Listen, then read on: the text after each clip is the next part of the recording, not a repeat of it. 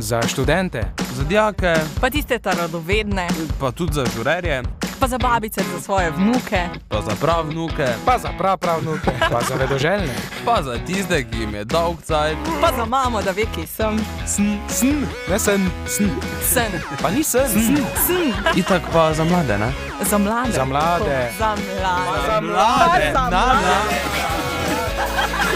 Vsako sredo podaja mladi, mladi, mladi, mladi na radiju Maribor.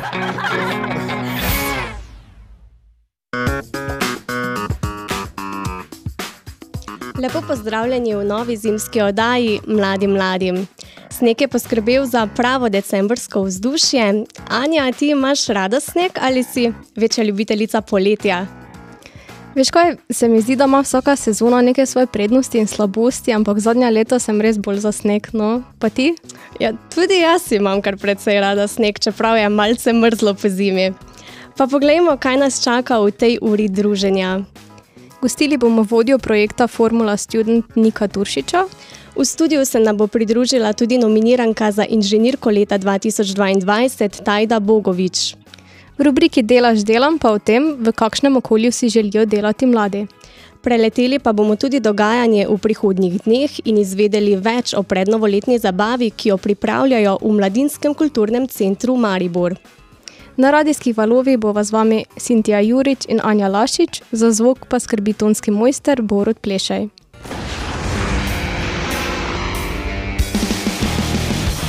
Podaja mladi, mladi, mladi, mladi na radiju Maribor.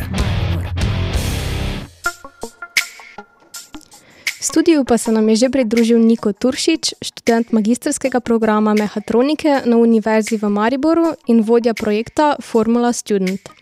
Formula Student je največje tekmovanje na svetu za študente inženirskih ved, ki svojim znanjem in izkušnjami pod okriljem svojih univerz in pokroviteljev ter donatorjev vsako leto tekmujejo v izdelavi dirkalnika in v različnih cestno-hitrostnih preizkušnjah. Gre za interdisciplinarni projekt, kjer na različnih oddelkih sodelujejo študenti inženirskih smeri, kot so strojništvo, mehatronika, elektrotehnika, računalništvo in tudi študenti številnih drugih umetnih, tudi drugih smeri, kot so ekonomija, pravo in marketing. Ekipa Formula Student Univerze Maribor izdeluje dirkalnike že od leta 2011, obenem pa se udeležujejo tudi številnih tekmovanj. Njihovi dosedanji dosežki vključujejo nagrado za najhitrejši krog v Silverstonu, nagrada Mercedes AMG za najboljšo vgradnjo pogonskega sklopa in številne visoke uvrstitve v večjih disciplinah. Niko, zdravo! Hvala za povabilo. Nekaj smo že povedali o projektu Formula Student, kako bi pa ti predstavil ta projekt nekomu, ki še nikoli ni slišal za njim? No, nekako najpreprostejša razlaga bi bila kot samo ime projekta zgodno ve, gre za projekt, kjer uh, študentske ekipe izdelujemo dirkalnike, torej formule. Uh, pri projektu sodelujemo uh, študenti tehničnih univerz praktično po celotnem svetu uh, in izdelujemo torej, samostojne dirkalnike in z njimi na to tekmujemo na večjih tekmovanjih. Ta tekmovanja so tako po celotni Evropi, kako tudi po svetu.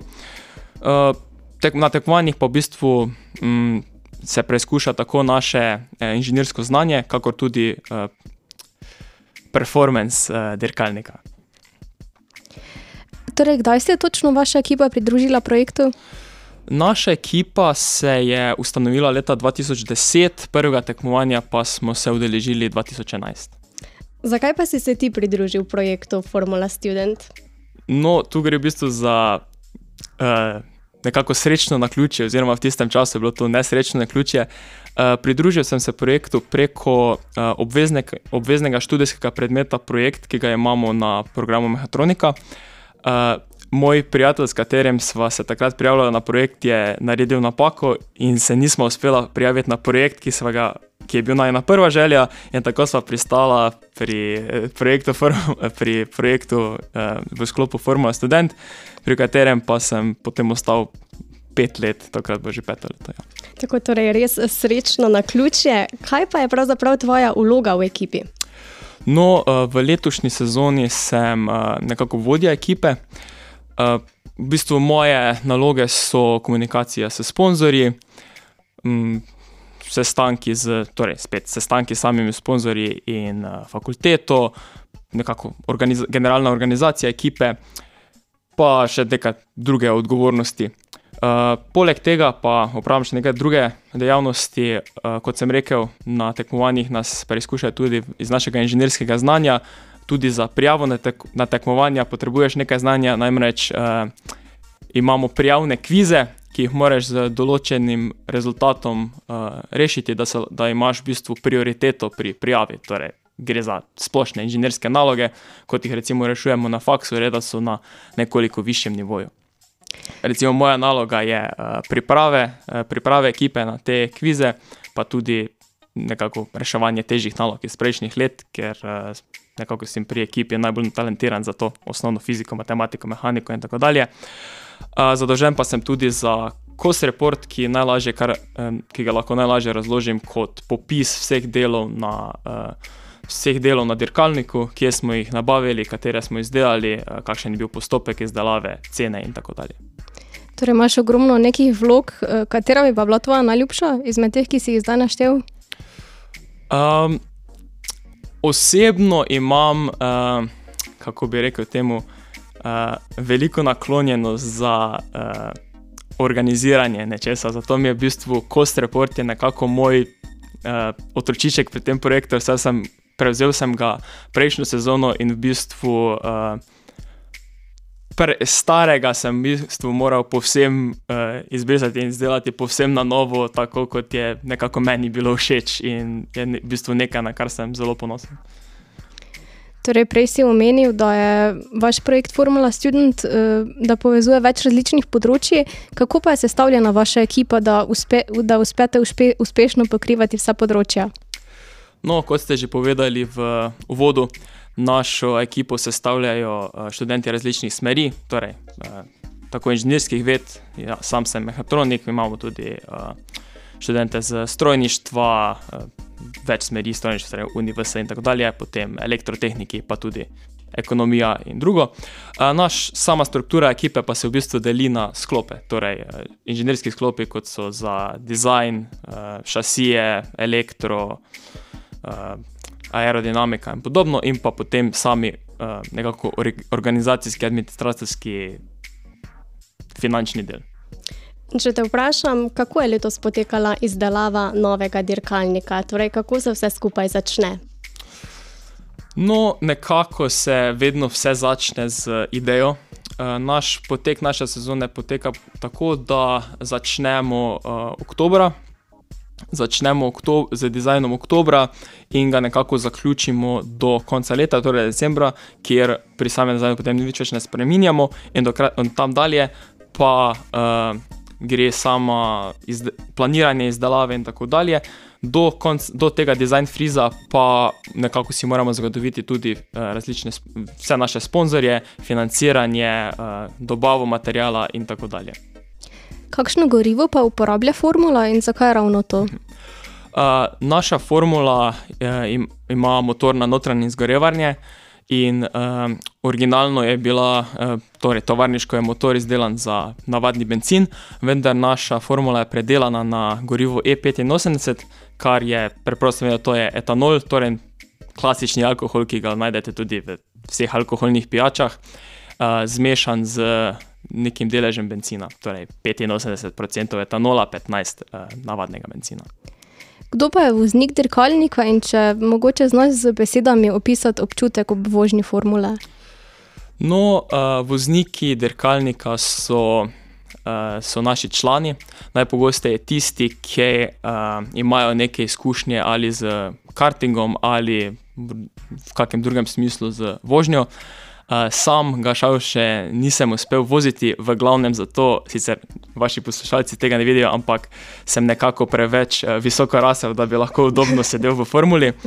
Uh, tako da, glede samega občutka pri vožnji, vam ne morem dosti povedati, lahko povem, da je res. Uh, Neverjeten občutek, ko nekaj, kar si v bistvu izdelal sam s svojimi rokami, prvič vidiš peljati po ravnini. Pa da si bomo lažje tudi predstavljali, najboljše, da prisluhnemo zvoku formule.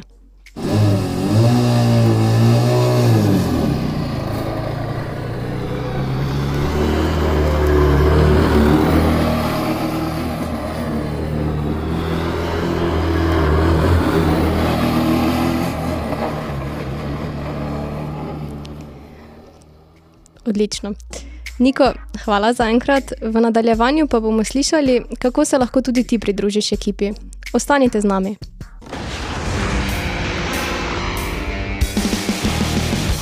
Oddaja mladi, Mladi, mladi, mladi na radiju Maribor. Poslušate oddajo Mladim mladim, z nami v studiu pa je vodja projekta Formula Student Niko Turšič. Niko, nam lahko predstaviš nekaj dosežkov vaše ekipe? No, uh, ponovno, kot ste že v uvodu povedali, nekako naši uh, najbolj prestižni nagradi sta nagrada Mercedes AMG za najboljšo gradnjo pogonskega sklopa in pa najhitrejši krok na uh, tekmovališču Silverstone. Glede samih dosežkov na tekmovanjih pa imamo torej več višjih uvrstitev, ampak je žal res pri tem projektu je konkurenca zelo močna, tako da se z nekako v skupnem seštevku z stopničkami ne moremo pohvaliti, lahko pa rečemo, da smo bili že na stopničkah v nekaterih uh, statičnih kategorijah, torej v poslovnem načrtu, business planu. Uh, tudi pa se vsako leto v naših dosežkih izboljšujemo. Če pa vas zanima, kako smo pozicionirani na tekmovanjih v skupnem seštevku, pa smo vedno nekje v zgornji polovici. Odlično. Kako pa so sestavljena tekmovanja? No, uh, kot sem že uh, povedal v prvem delu, da je tekmovanja so razdeljena na statične in pa na dinamične discipline. Namen samih statičnih disciplin je, da preveri tvoje uh, inženirsko znanje. Tu lahko zelo veliko pridobiš, če lahko sodnikom pokažeš svoj uh, po proces, svoj postopek, kako si uh, določene uh, dele avtomobila izbral, določil, kako si jih dizajniral, kako so se ti deli na to testirali in uh, najkasneje tudi vgradili v sam avtomobil. Uh, druge statične discipline pa so še sam poslovni načrt, kjer moraš uh, drugi skupini sodnikov predstaviti, kako bi s uh, dirkalnikom, ki si ga izdelal, uh, služil denar, torej kako bi, tržil naš, kako bi se naša ekipa torej tržila. Uh, zadnja stvar pa je cost and manufacturing, kot sem rekel, cost report, uh, za tega sem bil pre, v prejšnji sezoni zadolžen jaz, kjer pa moraš za vse dele na avtomobilu jih v bistvu popisati in pa uh, za neke dele tudi, uh, kako, ki so jih seveda, ki so bistvu naš dizajn, kako so se izdelali, torej postopek izdelave in pa pri nekaterih celo stroške. Je treba oceniti. Uh, druge, uh, druge discipline, torej dinamične discipline, pa so pospeševanje, uh, skidpad, v bistvu skidpad najlažje razložim kot dirkalnik vozi v osmici, uh, pri čemer se seveda meri čas, tako kot pri uh, pospeševanju. Uh, potem pa sta še dve uh, dirki, ena je autocross, ki v bistvu uh, najlažje razložim kot krok, uh, kjer ima določene ovire, torej slalome, ostre zavoje in podobno. Torej, če si vaši poslušalci lahko predstavljajo, ne vem, uh, večjo go-kart stezo. In pa potem je še vzdržljivostna dirka, kjer se v bistvu preverja zanesljivost našega dirkalnika. Odvoziti je treba 22 km, po 11 km je treba zamenjati voznika. In pa če uspešno zvoziš uh, ta vzdržljivostno dirko, pa se ocenjuje še uh, poraba tvojega dirkalnika. Že imate morda izbrana tekmovanja, katerih se boste udeležili v prihajajočem letu? Uh, seveda je vse pogojeno z rezultati na prijavnimi kvizi, o katerih sem govoril že v prejšnjem delu. Ampak trenutno razmišljamo, da se bomo dožili tekmovanja na Nizozemskem, na Hrvaškem, Alpa, FS Alpadria in pa FS East, to tekmovanje pa je na Mačarskem, lani je bilo na Hungaroringu. Kaj se ti zdi, da ti je ta projekt dal? No, uh, tu gre vsekakor za večslojen odgovor. Nekako najbolj uh, tako. Uh, oseben je, da uh, pri tem projektu sem pridobil ogromno pozitivnih izkušenj in uh, spominov z našo ekipo, spoznal sem tudi nekatere uh, dolgoletne uh, prijatelje pri tem projektu, pa tudi uh, mojo punco. Uh, potem drugi del tega projekta pa je, seveda, kot sem rekel, uh, sama inženirska znanja, ki jih pridobivaš na fakulteti, lahko res preizkusiš v realnem okolju. Ker nisi uh, na fakulteti si omejen samo, ok, dobiš nalogo in jo moraš rešiti. Redko moraš karkoli pripeljati oziroma razmišljati do realizacije, nad pri tem projektu pa se zares uh, je to res tisto realno inženirsko delo, ker moraš razmišljati o tem, kako, kako, katera rešitev bo najboljša, torej objektivno najboljša, katera je najlažja za izdelavo in pa katera tudi marsikdaj najcenejša. Mm, seveda pa je del tega projekta tudi, uh, pri njem sodelujejo številna, po, uh, številna podjetja iz industrije, tako da je to v bistvu zelo dobra odskočna deska za kariero. Torej, za tiste, ki so zainteresirani za. Uh, Sploh za tiste, ki so zainteresirani za kariero v motosportu, dobiš v bistvu uh, nekako kontakte z uh, številnimi podjetji. Ali vaša ekipa trenutno išče nove člane?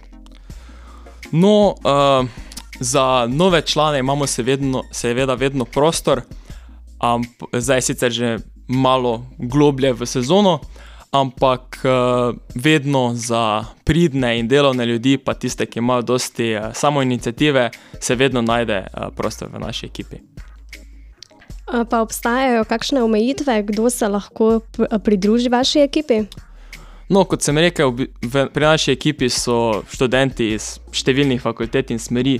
Uh, edina res omejitev je, če želiš uh, sodelovati v, pri projektu v smislu, da boš na to šel tudi na tekmovanja in pa dolgoletno aktivno, da moraš imeti študentski status. Niko, najlepša hvala, da si bil danes z nami. Veliko sreče želimo tebi in tvoji ekipi še naprej pri vseh nadaljnih podvigih in držimo pesti. Uh, hvala lepa in še enkrat hvala za povabilo v oddajo. Naslednjem promo spotu naj prisluhnejo študenti in dijaki. Delam, delamo, delajo, delata, zdelan. Ah, delam. ja. Je treba bilo. Treba je delati. Čakaj, kaj pa plačilo? Plačan si z bogatimi izkušnjami. E, jaz bi raje z denarjem. Imajo tudi cekinčke. E, za študente in dijake? Ja. Študentsko delo med mladimi že desetletja velja za enega izmed glavnih virov dodatnega zaslužka. Čeprav si mladi želijo finančne samostojnosti in se zavedajo, da je denar pomemben, pa pri delu močno cenijo druge, deja druge dejavnike, ki skrbijo, da se na delovnem mestu počutijo dobro. Več o tem nam bo povedala Patricija Močnik, predstavnica študentskega servisa MJOB. Patricija, zdravo. Zdravo. V kakšnem okolju si želijo mladi delati, kako pomemben jim je zaslužek? Ja, mladi si želijo delati v prijetnem okolju, želijo si fleksibilnosti na delovnem mestu in razumevanje delodajalca v primeru, če imajo šolske obveznosti. Želijo si predvsem korekten in spoštljiv odnos delodajalca. Mladim je sicer zaslužek zelo pomemben, saj v večini primerov iščejo zelo dobro plačana delovna mesta. Da pa je študentom zelo pomemben zaslužek, so to opazili tudi delodajalci, saj so povečali urno postavko v primerjavi s prejšnjimi leti. Na srečo imamo rešitev, saj se na naši spletni strani MJOB najde pestra izbira prostih del, ki jih lahko upravljaš sedaj v decembrskem mesecu. Zato hitro preveri ponudbo študentskih del, ki jih nudimo in se izberi, kar te veseli. Katerih dolžnosti pa bi se moral zavedati mladostnik, ki opravlja študentsko delo? Ja, študent oziroma dijak mora pred začetkom dela na študentskem servisu naročiti napotnico. Napotnica je pravna podlaga, da lahko delo opravljaš preko študentskega servisa in zato je potrebno naročiti pred začetkom dela. Pri MJOB-u naročilo napotnice zelo olajšamo, saj dijaki in študenti napotnico lahko naročijo kar preko spletne strani ali mobilne aplikacije. Ena izmed pomembnih dožnosti, ki se jo morajo mladi zavedati, je tudi ta, da pravočasno pridejo na delo, da delo opravljajo vestno in po navodilih delodajalca. Ukolikor si zbolel v podjetju, ne želiš več delati, to pravočasno javi delodajalcu, da lahko pravočasno uredi zamenjavo. Pred opravljanjem dela je potrebno preveriti vse pogoje dela, kot so trajanje, vrsta dela, delovni čas, plačilo ter druge morebitne pogoje dela. Za upravljanje študentskega dela mora imeti študent ustrezno urejen status in prijavo na študentskem servisu. V primeru, da se študentski status prekine, je obveznost študenta, da o tem delodajalca tudi ustrezno obvesti. Ukolikor potrebujete kakršno koli pomoč pri študentskem delu, pa se obrnite na MJOB, da skupaj najdemo ustrezno rešitev. Patricija, hvala za vse koristne informacije in se ponovno slišimo prihodnji teden. Adijo! Preverimo še, katera so trenutno najbolj aktualna dela v Mariboru in okolici. Wine Lounge Bar Zlata Trta išče zanesljivo in komunikativno osebo za delo v strežbi. Urna postavka je 6 evrov neto. Trgovina Beloft išče osebo za delo v customer servisu in obdelavi spletnih naročil. Urna postavka je 6 evrov neto. Dom starejših Idila išče zanesljivo in odgovorno osebo za delo na recepciji. Urna postavka znaša 5,21 evrov neto. Za dijake. Za žurerje. Za študente. Za vedoželjne. Za vedre. Kdaj? Zdaj. Mladi mladim.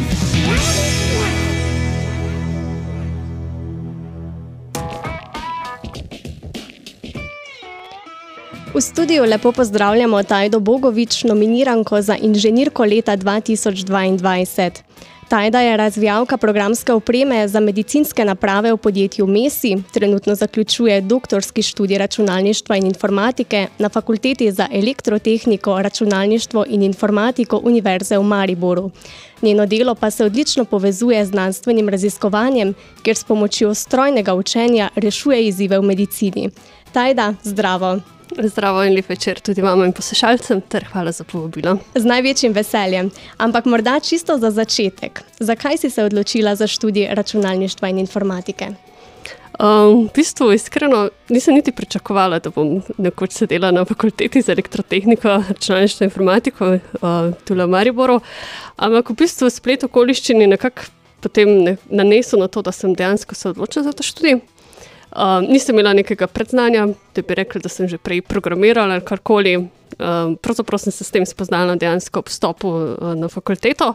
Moram pa reči, da če bi imela danes odločitev ali naredim isto odločitev ali kaj drugače, bi rekla, absolutno prava odločitev in sem zelo vesela, da sem se podala tem izzivom, čeprav nisem vedela, kaj me čaka. Torej, je bila prava odločitev, ne? Tako je, ja. definitivno. Te je mogoče kdo navdušil za to smer ali je to res čisto tvoja odločitev? Um, v bistvu tako, tudi doma ali pa kjerkoli drugje v moji okolici nisem imela prav, prav veliko stika no, s kakimi inženirji. Tako da to je bila, bom rekla, m, moja odločitev. Ja. Predvsem bom pa rekla, mogoče pol ta odločitev dejansko bila taka, tudi zato, ker sem nekako se zavedala, da v vsaki stvari, bodi si avto, bodi si nek stroj, bodi si bilo kaj, pravzaprav je v zadju nek program.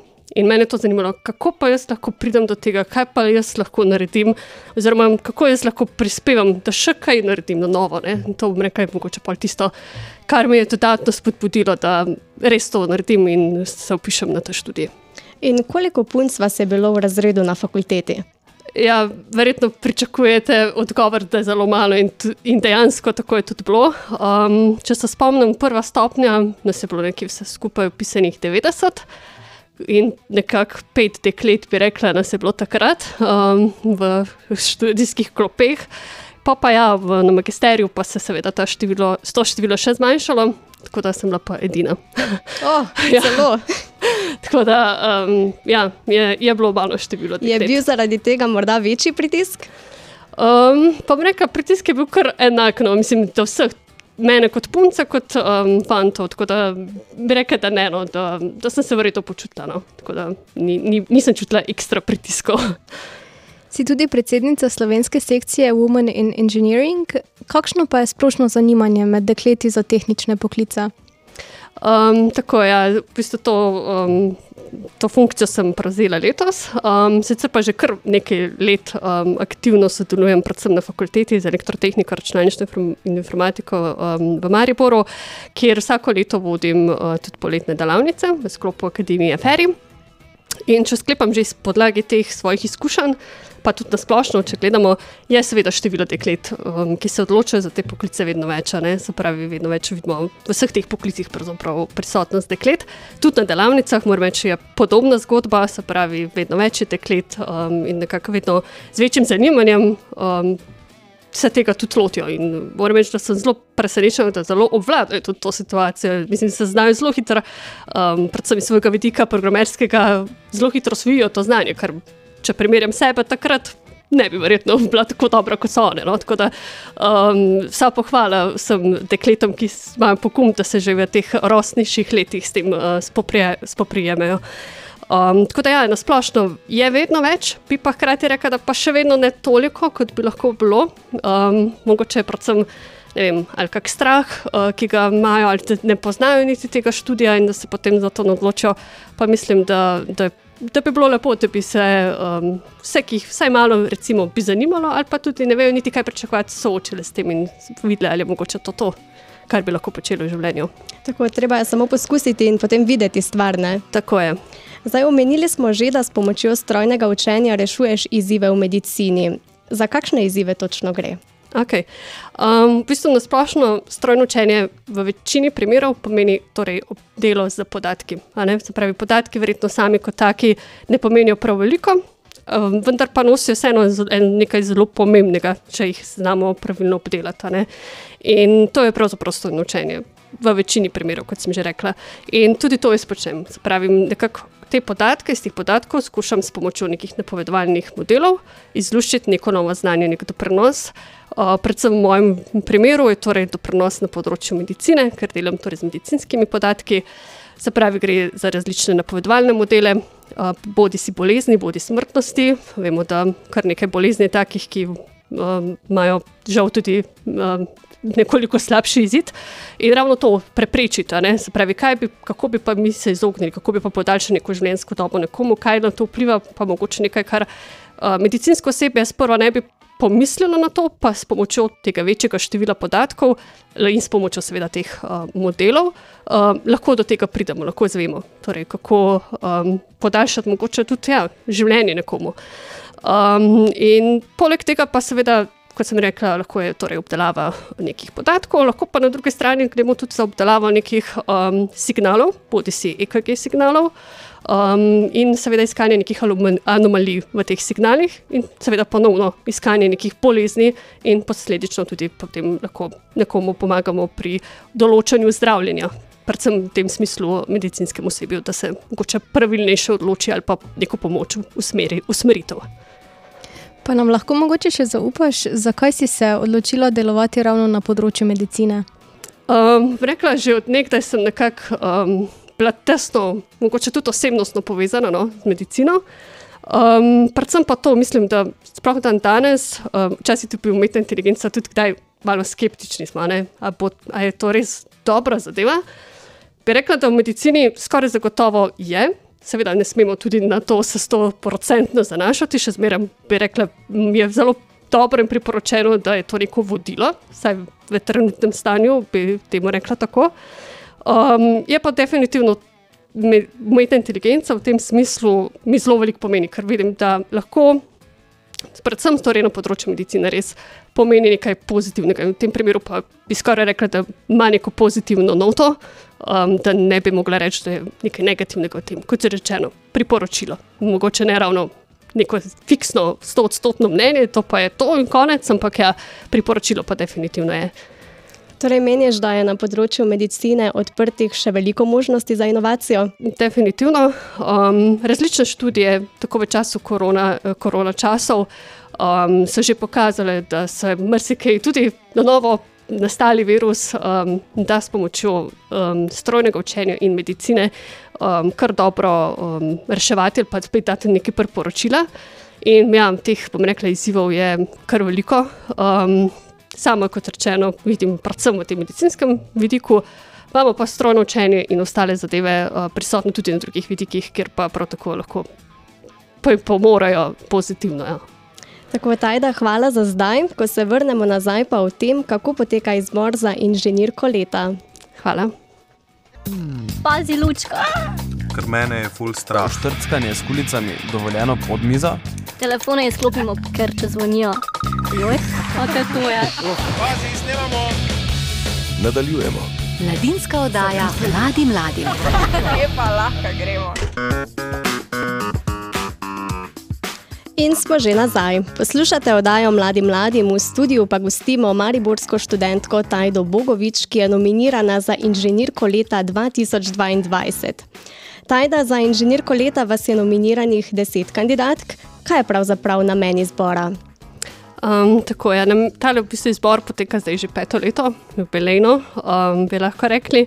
In namen izbora je pravzaprav predstavitev zgodb inženirk iz različnih področji, tehničnih, in s tem nekako navdušiti mogoče mlada dekleta, ki so pred tem, da se upisujejo na študij, ali pa nasplošno, bom rekel, tudi nekam mogoče inspiracija vsem ženskam, um, da pravzaprav tehnični poklici niso samo v moški, domen, moški domeni, ampak pravzaprav si jih lahko čisto vsaka lohtina. Tako da upamo, da bo mogoče v prihodnosti to razmerje iz tvoje generacije malo više. Ne, ne Upajmo, ja. Jaz bi si zelo želela. ja. Pa bi nam lahko zaupala, mogoče, kako ste bile izbrane in kako je potekal sam izbor? Uh -huh. V bistvu izbor poteka na način prijave, se pravi, lahko te prijavi um, bodi si podjetje, bodi si se lahko prijavi um, torej nominiranka oziroma uh, inženirka sama. Potem pa seveda v sami prijavi povemo, torej se zapiše določeno vprašanje, no, um, predvsem v smislu, kako ste lahko motivacijam, um, mladim dekletom, um, potem seveda življenjepis in dosežki posameznice in potem nekako izbor oziroma žirija, ali kako bi temu rekla, izbere tistih deset um, izmed vseh prijavljenih na podlagi teh vprašanj in pa seveda življenjepisa. Tako in kdaj bomo izvedeli, katera izmed vas bo postala inženirka letošnjega leta? Ja, inženir, to bo pravzaprav v Cankarjevem domu, um, tako kot že nekaj let prej, oziroma v času korone bilo stanje sicer malo drugačno, pa vendarle. Um, torej v Cankarjevem domu 10.1. Um, bo pač um, izbor, um, tako da ja, takrat bo odločitev.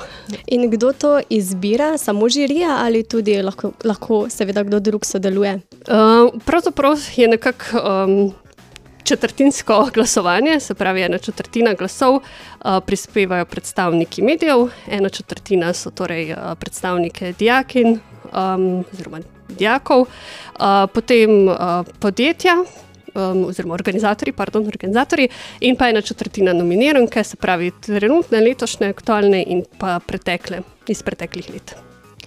Zakaj pa je po tvojem mnenju pomembno, da obstaja tudi takšno tekmovanje in kakšno sporočilo to predaja mlajšim generacijam?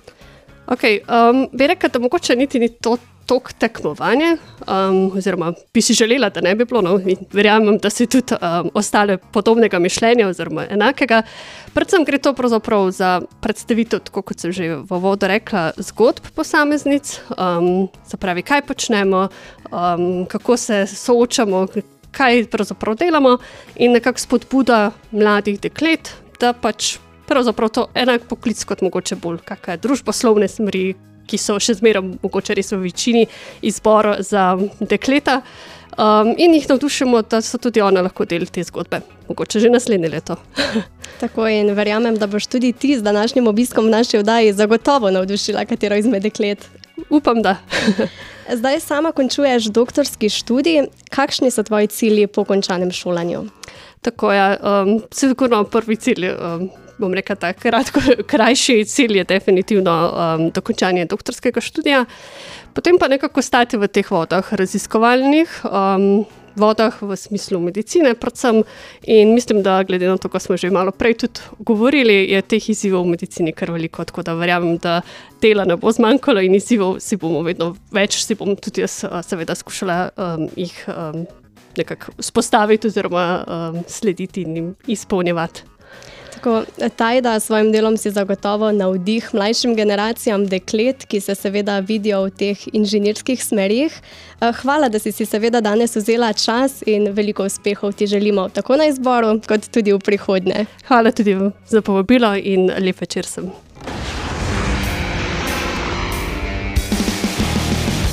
Podaja mladi, mladi, mladi, mladi na radiju Maribor. Po telefonu že pozdravljamo Evo Žunec iz Mladinskega kulturnega centra Maribor. Eva, zdravo. Dober večer. Pred 14 dnevi smo se v naši oddaji pogovarjali o vseh dejavnostih, ki jih v decembrskem času pripravljate v vaši organizaciji. Kako so do sedaj uspeli vsi ti projekti? E, tako je, pripravili smo kar pester nabor za praznični december in e, do sedaj smo nekako izvedli večino bomo rekli, začetnih pripravljalnih aktivnosti, kot so bile krašenje smrekic, eh, pa postavljanje pravljice v parku pred eh, kulturnim, eh, mladinskim kulturnim centrom. Zdaj pa se počasi preveša v drugo, bolj aktivno in bomo rekli vsebinsko polnejšo, polnejšo obliko programa. Katere delavnice torej še sledijo v naslednjih dneh? Torej, danes smo obeležili pravlični večer v hostlu Pekarna, eh, saj smo se pogovarjali z avtorico pravljice, ki eh, je razstavljena v parku, Pogumni snežakec, eh, ki jo je napi- napisala Lidija Šket Kamenšek. Eh, Potem jutri imamo še peko piškotov, potem drugi del fotosprehoda po mestu in pa seveda praznično Lego robotiko. Če nam samo na hitro poveš, zadnjič si omenjala tudi prednovoletno zabavo, imaš že zdaj več, kakšnih več informacij glede same zabave? Tako je, to pa z veseljem eh, delim zdaj z vami, se pravi v torek 27. decembra pričetkom ob 19. uri vas vabimo v kulturni inkubator na Koroški 18, kjer bo potekala prednovoletna in pa tudi rojstnodnevna zabava MKC-ja, saj praznujemo 30 let. Um, popestrili jo bomo z swing brezplačno plesno delavnico, eh, bodo tudi prigrizki, pijača in pa predvsem namen je eh, prisrčno druženje vseh zainteresiranih, um, da se poslovimo od, novega, od starega leta in stopimo v novo. Super, sliši se res dobro. Uspešen decembr vam želimo in mogoče se tudi vidimo. Adijo, Eva. Najlepša hvala, pa eh, vabim vse, torej, da spremljate MKC Maribor še naprej. In smo že pri koncu današnje oddaje. Če ste jo slučajno zamudili, jo lahko ponovno poslušate na portalu RTV 365 in v vaši najljubši aplikaciji za podkaste. Poiščete nas lahko tudi na Facebook strani Mladim Mladim Radijska oddaja in našem Instagram profilu mladi.mladim, kjer lahko všečkate in nam sledite. Tam pa boste obveščeni tudi o temah prihodnih oddaj. Z vami sva bili Anja Lašič in Sintja Jurič, za zvok je poskrbel tonski mojster Borut Plešej. Lepo se imejte do prihodne srede, ko bomo spet z vami. Do takrat pa uživajte in adijo. Adijo.